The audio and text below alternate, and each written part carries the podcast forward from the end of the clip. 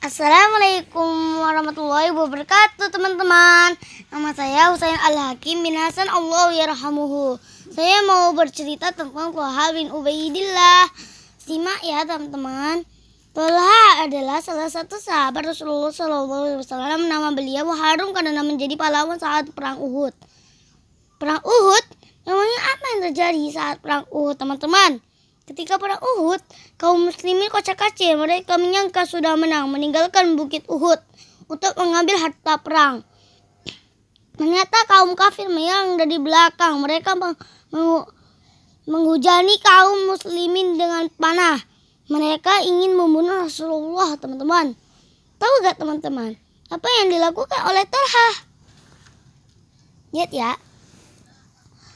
Talha menghadang panah panah yang men menuju Rasulullah SAW dengan tangannya. Dengan tangan ya teman-teman, bukan dengan perisai. Coba bayangkan. Sampai-sampai jadi Tolha putus. Tangan Tolha lumpuh.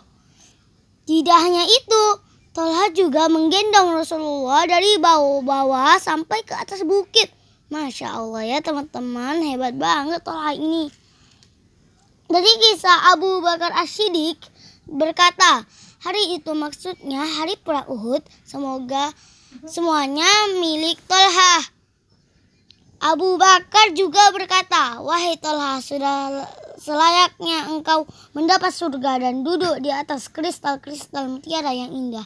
Nabi Muhammad SAW juga berkata, barang siapa ingin melihat orang mati syahid, yang berjalan di atas bumi hendaknya ia melihat Tolha. Masya Allah, bagus banget kisah Tolha ini ya teman-teman. Oke, sampai di sini dulu ya teman-teman. Terima kasih sudah menyimak. Assalamualaikum warahmatullahi wabarakatuh.